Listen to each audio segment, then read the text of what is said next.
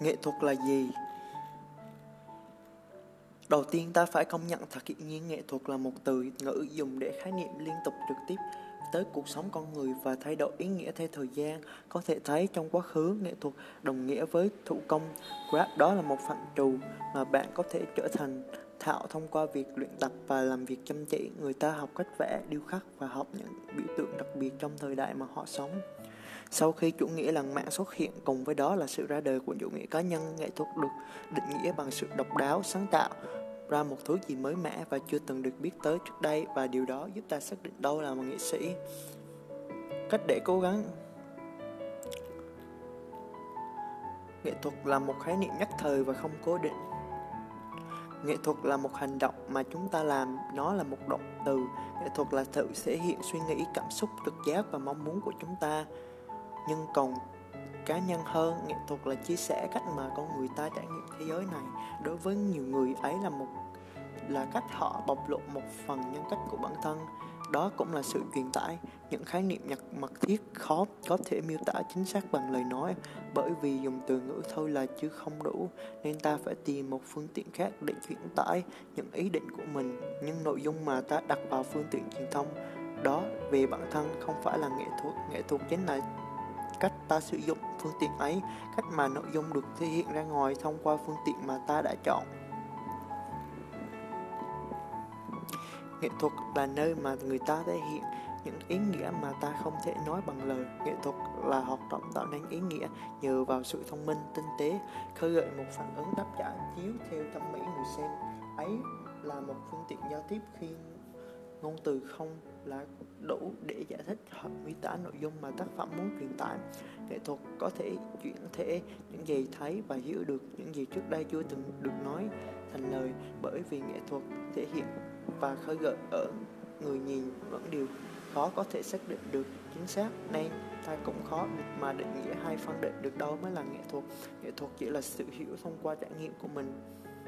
Người xem nghệ thuật, thúc đẩy sự phát triển của một nền văn minh vừa hỗ trợ củng cố xã hội, lại vừa ngăn chặn những thông điệp mong muốn thay đổi chế độ khỏi bị dìm vào im lặng.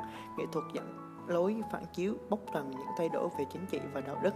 Nghệ thuật đóng vai trò trong tâm trong sự cấu thành của văn hóa và là nguồn gốc của những tư tưởng, ý tưởng bắt nguồn từ văn hóa. Bởi vậy, nó không thể thấu hiểu hoàn toàn nếu bị đưa ra ngoài ngữ cảnh.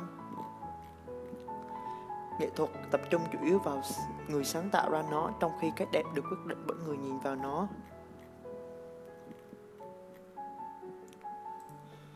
11 bí mật công việc thiết kế không ai nói với bạn, không đổi mới quá 30%. Bí mật ở đây là 30% là rất nhiều khi nói đến sự đổi mới và ý tưởng mới. Các nhà thiết kế đồ họa và nghệ thuật có quy tắc 60 30 10 về màu sắc. 60 là chủ đạo, 30 là mới. Quá nhiều thứ đổi mới cùng lúc khiến khách hàng và người dùng nhầm lẫn cái đã biết và cái mới. Hãy thay đổi từng chút một. Khi cái mới trở nên hiệu quả, hãy thêm nhiều hơn hiểu tâm lý. Bạn không cần phải là một nhà tâm lý học để quan tâm và tìm hiểu một số kiến thức nền tảng. Hãy đọc một số bài viết, sách về tâm lý người dùng. Cố gắng hiểu phản ứng và suy nghĩ của người dùng khi truy cập các trang web. Tìm hiểu về nguyên lý thiết kế UX UI là điều cần thiết. Thêm vào đó, thiết kế đóng vai trò quan trọng trong việc tạo dựng niềm tin vào một thương hiệu với gần 50% số người cho rằng nó là yếu tố quan trọng nhất trong việc tạo dựng uy tín, các hiệu ứng trong thiết kế cảm xúc không chỉ với màu sắc mà cả kiểu hình ảnh minh họa hiệu ứng hình ảnh đây là lý do giữ cho người dùng. Tiếp cận với người dùng nghiên cứu thị trường tập trung người tập vào người dùng của bạn, tự hỏi bản thân những câu hỏi mà bạn muốn có, câu trả lời.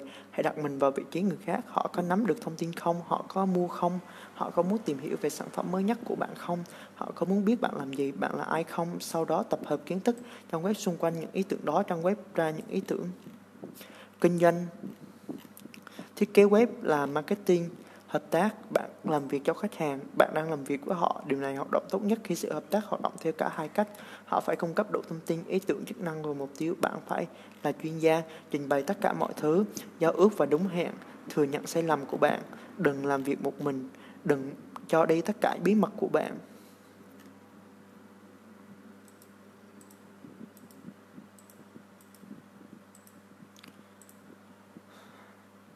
Năm con đường khác nhau để trở thành designer Học đúng chuyên ngành thiết kế, nhà thiết kế, Joaco đã tốt nghiệp trường Rose Island với bằng thiết kế đồ họa. Dưới đây là một trải nghiệm của cô khi học chính thức. Tôi cảm thấy vô cùng may mắn khi được trải nghiệm độc đáo là một sinh viên thiết kế trường Rose Island. Một môi trường học tập, một không gian hợp tác an toàn cho sự trưởng thành phát triển của nhà thiết kế trẻ. Tôi luôn có giờ trên lớp nếu được nghe nói rằng khối lượng công việc rất lớn, đó là sự thật. Ngoài việc có các studio kéo dài 5 giờ, khoảng 4 đến lần tuần, một tuần. Còn có vài lớp nghệ thuật tự do kéo dài đến 1 đến 3 giờ rải rác, tiếp cận phương thức tự học. 4 năm bước, tôi là sinh viên chuyên ngành kinh doanh ở trường và đi theo hướng hoàn toàn trái ngược và điều tôi muốn, tôi tiếp tục được chuyên ngành của mình. Nhưng dành thời gian ngoài giờ để học vẽ, học Adobe Suite và thực hiện các dự án nào mà tôi có thể.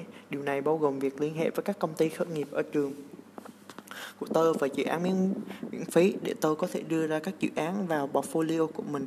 Con đường này tuy dài nhưng mang đến những điều thú vị. Đăng ký Bootcamp nói với nói có với các cơ hội mới tạo ra cơ hội cho chính bạn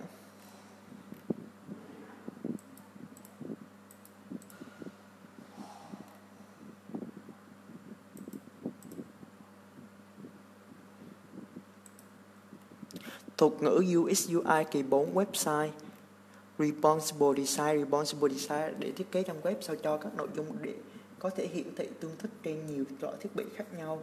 Nói cách khác, bố cục của trang web sẽ tự động thay đổi, điều chỉnh để xuất hiện vừa in trên màn hình của máy tính, điện thoại hay bất kỳ thiết bị nào mà bạn đang sử dụng. Ý tưởng đằng sau, thiết kế web responsive là nội dung và bố cục của trang web phải thích ứng hiệu quả và theo kích thước và khả năng kỹ thuật của thiết bị được mở tại đó.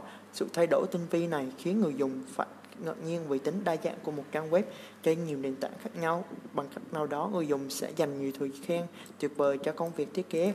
Điều đó nghĩa là nhà thiết kế phải sắp xếp bố cục cho từng phiên bản một cách hiệu quả. Header là về yếu tố bố cục web, header là phần trên cùng của trang web. Header là một phần quan trọng mang tính chiến lược của công trang vì đây là nơi mà một người nhìn thấy đầu tiên trang web của bạn. Do đó, tiêu đề header phải có đủ thông tin và cung cấp thông tin quan trọng nhất về sản phẩm kỹ, người dùng, có thể quét nó trong tích tắc.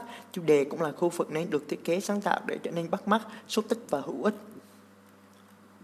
Tiêu đề có thể bao gồm các yếu tố cơ bản để nhận diện thương hiệu logo, chữ thương hiệu, slogan, các sứ mệnh công ty, biểu tượng hình ảnh giới thiệu và màu sắc thương hiệu, khối, khối văn bản giới thiệu chủ đề các sản phẩm dịch vụ, liên kết các danh mục cơ bản về nội dung web, liên kết các mạng xã hội quan trọng, thông tin liên lạc cơ bản, số điện thoại, email, chuyển đổi ngôn ngữ trong trường hợp giao diện đa ngôn ngữ thanh tìm kiếm, trường đăng ký, liên kết với tương tác. À, chắc chắn trong sách này header Let's go. Footer. Footer là phần dưới cùng của trang web. Footer trở thành điểm đánh dấu sự kết thúc của trang web. Ngoài ra là một khu vực điều hướng trang web toàn cục trong hầu hết các trường hợp footer đã cung cấp cho bổ sung các liên quan trên các dữ liệu hữu ích.